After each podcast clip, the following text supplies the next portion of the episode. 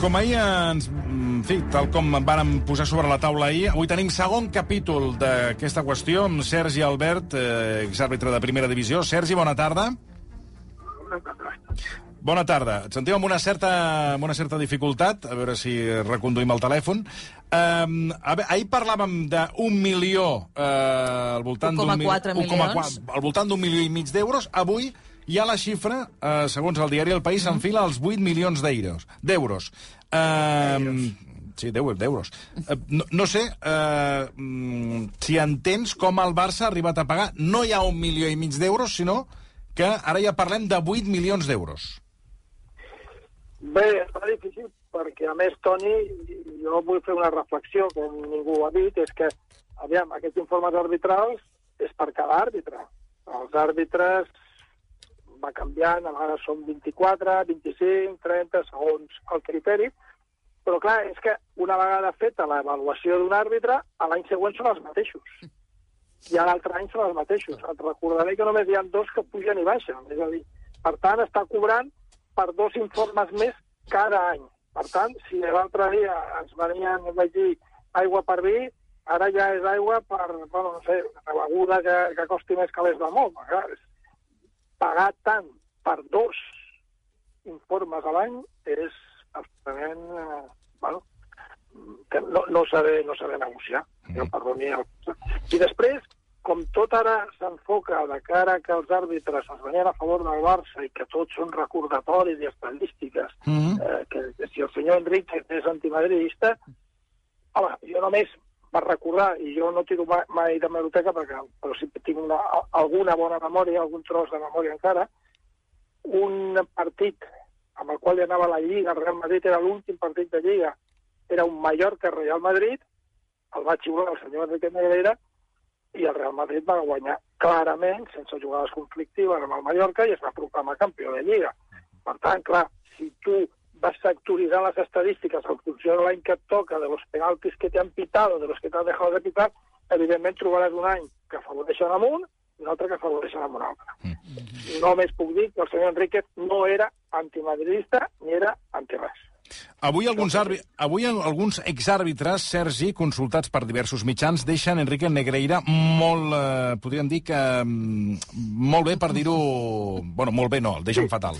Per exemple, li diuen corrupte, venedor de fum, aprofitat o petit Nicolàs dels àrbitres. Tots ells coincideixen a dir que l'exvicepresident del comitè era un vividor i que realment no tenia cap influència per condicionar-lo sobre la gespa. Una cosa que coincideix molt amb el que ahir, Sergi, ens vas dir. O sigui, que és fil parlant del que ens vas dir. Per exemple, ahir a la COPE l'exàrbitre Jesús López Nieto i actual president de l'Unicaja de Màlaga deia això sobre Enríquez Negreira. Este señor Negreira es indigno de haberse vestido de árbitro alguna vez y mandaba menos que el conserje de Valladolid o de, de, de, de Málaga o de por ahí. No mandaba nada.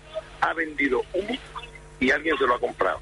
Aquí yo creo que le ha hecho un flaco favor a la competición y creo que el arbitraje, más de declaraciones puntuales que podamos hacer, tenemos que actuar de manera jurídica y apersonarnos como acusación personal. Todo esto es una traición al colectivo, a los árbitros, a la competición y evidentemente el que se la ha comprado igual de traidor que él. Yo sabía que vendía humo, pero un humo menor, es decir, nepotismo, el hijo en el comité técnico de árbitros haciendo cosas de coaching, vendiendo historietas en los comités territoriales, humo nepo nepotista que ocurre mucho en las federaciones generalmente. Hay mucha gente que se favorece con los hijos, los tal, pero era, digamos, un humo menor.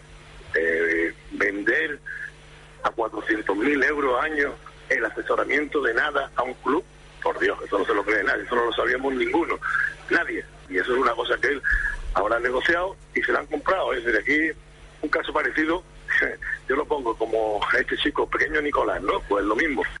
Uh, Sergi, és que sembla que us hàgiu trucat. No, el que passa és que deixem que sigui una mica cruel, no? Serà una mica cruel a canvi de que em, convidis un dia al programa perquè jo pugui posar-li cara amb aquestes veus crítiques que sempre tens per aquí i que no sé posar-los cara, que em fa molta il·lusió veure la cara. Vinga, fet. Pues, fet. Fet, fet, segur, segur. A- Aquest senyor que ha parlat i el senyor eh, José María Enrique Negreira, amics íntims fins avui. I com s'entén? Amics íntims fins avui?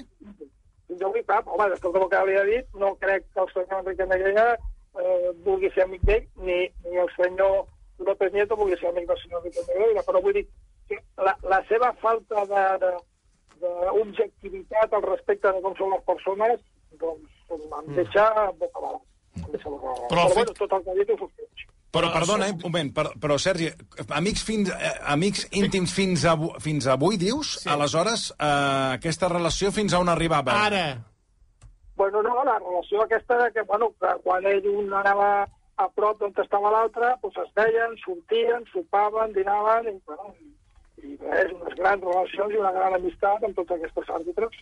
sopaven i dinaven.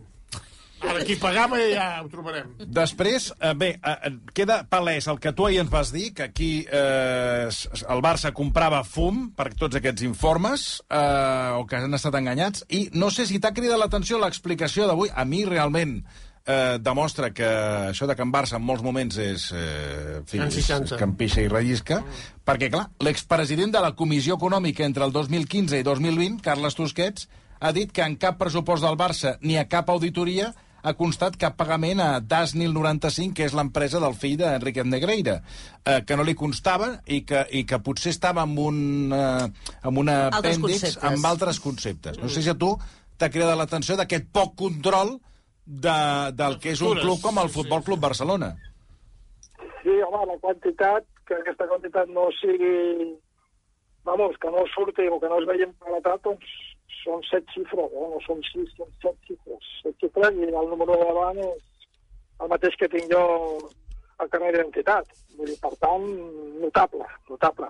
Bé, diguem que bueno, sabien fer, han estat hàbils en, en, en amagar això, però vull dir, sorprèn aquesta falta de, de, de, de control. Jo, de veritat, Toni, no...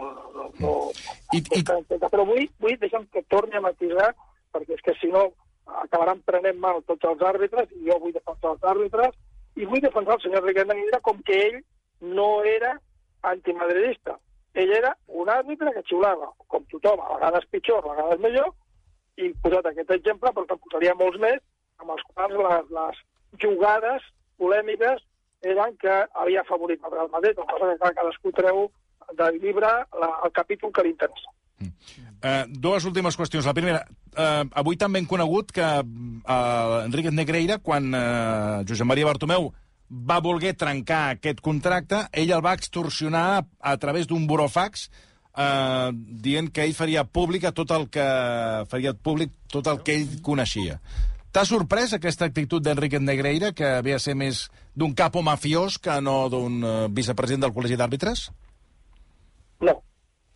Jo sempre, o el que penso des del principi que ha sortit tot això, o des que tenia algun, algun indici, és que ell té alguna carta que no té res a veure amb els àrbitres al, al respecte del Club de Futbol Barcelona que li ha portat a fer aquests, uh, aquestes negociacions i a tenir aquests contractes i amb això ha tirat endavant fins que, uh, pel que veig i pel que diu el Burofax, doncs el senyor Bartomeu es va plantar i ell va trencar.